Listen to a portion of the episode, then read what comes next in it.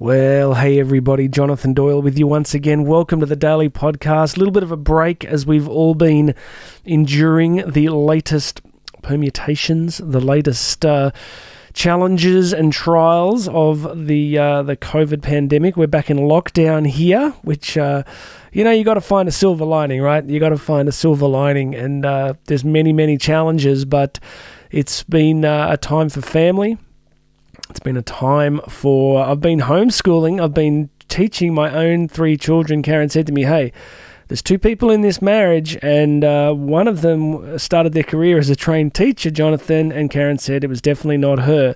So you can guess who's taken on the role of uh, doing daily teaching education for my kids. It's been great, actually. Been uh, getting really organised and uh, going back through some high school maths, and I'm teaching my youngest daughter Latin and my uh, my son French on top of the daily stuff we're doing. So it's a really interesting season, isn't it? So uh, none of us would have wanted it, but I guess we got to do our very best, don't we, to find whatever positives we can find in this particular season that we're in. So I want to send a big word of encouragement to you all listening and uh, to give you a sense of hope I think we're in a big hope deficit, aren't we? We, many of us. I've got you know people listening all over the world, but I know many listeners are dealing with all sorts of challenges. And when that builds up, there becomes this kind of fatigue, doesn't it? This kind of exhaustion where we just want something to go back to normal so we can all get on with our lives. So I guess today I want to talk about a few simple strategies and ideas that we can put into place around how we manage our minds and our hearts during an unexpected season of life. None of us knew this was coming, huh? It's the thing about these challenges that we face. But I am convinced that one of the things we need to get very good at is to become gatekeepers of our own hearts and minds. You see, our emotional experience, our inner world, our psychological uh, reality is very much conditioned by not just what's going on around us, but of course how we explain it to ourselves. So I think if you look at the impact of mainstream media, right? The impact of mainstream media in terms of the fear narrative. The you know, it's very successful to communicate fear to people because there's a very strong evolutionary adaptive advantage for fear, of course, because as we evolved as a species, we learned that fear, uh, people who were afraid of things, tended to live longer. You know, if you saw something rustling in the bushes and you ran the other way, you probably lived longer than the people that just walked into the bushes. So we definitely have this evolutionary, adaptive, biological advantage to fear. And we're kind of very predisposed to see it, to respond to it, to to uh, to take action, and to, you know, and often the fear that's presented to us at the moment is is quite abstract. It's abstract fear about something that might happen or something that happened to somebody else, and we should be afraid because it happened to them. So it's not as if the fear for many of us is, you know, a a real immediate pressing fear. So, what tends to happen then is rumination. Rumination is kind of this process by which we go over and over and over and over what might happen or what we think is happening. And then that, that fear just wears us down. So, the first thing I want to say to you today is be very, very careful about how much exposure you're giving yourself to that fear narrative. So I tend to look. I haven't read or watched really mainstream media in as long as I can remember when I'm sourcing information, I tend to go for some really high end research journalists I trust, uh, sources that I really trust, and I do the work. I try to get my head around some of the data and and actually go, okay, what do we need to be afraid here? I mean, how how real is some of what's being presented to us, right? So, I just want to encourage you all that if you want to dial down that experience of fear, then we want to get good at protecting and being gatekeepers of our own hearts and minds. I was up early today and I was reading my Bible and I was reading a scripture from John chapter 14. It's the famous line where Jesus says, You know, peace I leave you, my peace I give you, not as the world gives do I give to you. Now, here's the important line He says, Do not let your heart be troubled, nor let it be afraid. Listen to that again. Do not let your heart be troubled, nor let it be afraid. I want to draw your attention to the word let.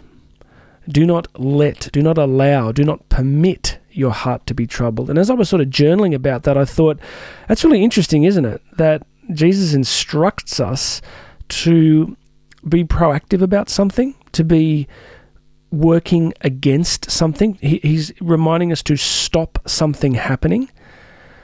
Because often we think that fear and, and all that stuff that happens to us is just a reality, right? It just comes at us and it's it's a real thing. But this reading this Bible verse this morning really reminded me that we have to be the protagonists. We actually have to be involved and engaged in what we allow to take shape inside us. We can't be passive. I just think that's a really important insight. It's just because uh, I've yeah, I just I just read it and I thought, do not let your heart be troubled. Do not allow it to be. Do not permit it to be. So, so how do you do that? Well, I think you, you, you take practical steps. You don't allow it to be overwhelmed with information and scare tactics that are going to make you feel miserable. So you genuinely take a proactive stance in what's going on in your heart and mind. So that leads us to the topic, I think, of hope. Because faith and hope and fear are kind of all intertwined and hope is in very short supply at the moment. So, the way that we begin to develop a sense of hope is to use our own faith and to stop focusing relentlessly on the darkness that's around us. You know, Friedrich Nietzsche used to say that if you, uh, you know, he had this concept that if you stare into the abyss long enough, the abyss stares back and he was talking about his own journey in philosophy and epistemology and and his idea was that if you stare into the chasm that opens up when you pull out the spiritual intellectual rug from underneath your own feet sooner or later you attract the attention of the abyss. It kind of sucks you in it's a really interesting insight. It's sort of like if you stare into darkness, you draw the attention of that darkness and it starts to stare into you. It's a powerful insight, isn't it? So that's a question around focus, right? That if we focus on the fear, if we focus on the darkness, I know some of you listening to me going, oh, you know, we need to be prepared and practical. I mean, come on. If you're listening to this, you're still alive, so you've been doing something, right? Um, I just think if we choose to focus relentlessly on the narrative of fear that surrounds us so easily without being more proactive, then we're just going to get more of that fear. Now, the last thing I wanted to talk about today was a beautiful quote that I heard from the British uh, journalist and writer Jojo Moyes. You got to love a quote from anybody called Jojo. It's a very trustworthy name, Jojo, isn't it? You just feel like I can trust a Jojo. They just they sound fun. I love this quote. It is this Jojo Moyes says, There is always a way out of a situation. Might be ugly, might leave you feeling like the earth had gone and shifted under your feet. But there is always a way around. There is always a way around. I love the opening line. There is always a way out of a situation. I really love that. I just think that we need to be reminded that we need to be encouraged to understand that no matter what we're facing, there is always a way. There is always a way. The pages of history are just full of men and women faced with the most difficult circumstances that found a way around. You look at the Wright brothers, you know, that when you know the, the, this relentless just pursuit of going to just find a way. We're going to find a way. Thomas Edison is light bulb story, right? We're just going to keep doing it and doing it and doing it until we finally work it out. So many of us have faced enormous challenges under COVID in our businesses. Some of us have been insulated from that, but I know many of you listening will have had all sorts of challenges and losses along the way. But I want to say to you today, as I have experienced and as I'm teaching myself, there is always a way out. Now, that might mean we got to do all sorts of stuff. I'm definitely working differently, working harder, changing a lot of approaches, trying different things, but there is always a way out. There is always a way around. So, again, silver linings, right? No matter how dark these days are, no matter how challenging this situation is in COVID, let's be encouraged that it is also making us think and grow and hustle and change and develop and do things differently. We got to find a way around, friends. All right, that's it. That's all I wanted to say. Summary Start being a gatekeeper of your own heart and mind. Start being a gatekeeper of your own heart and your own mind. Do not let the fear overwhelm you. All right? I hope that's a blessing to you. Please make sure you've subscribed.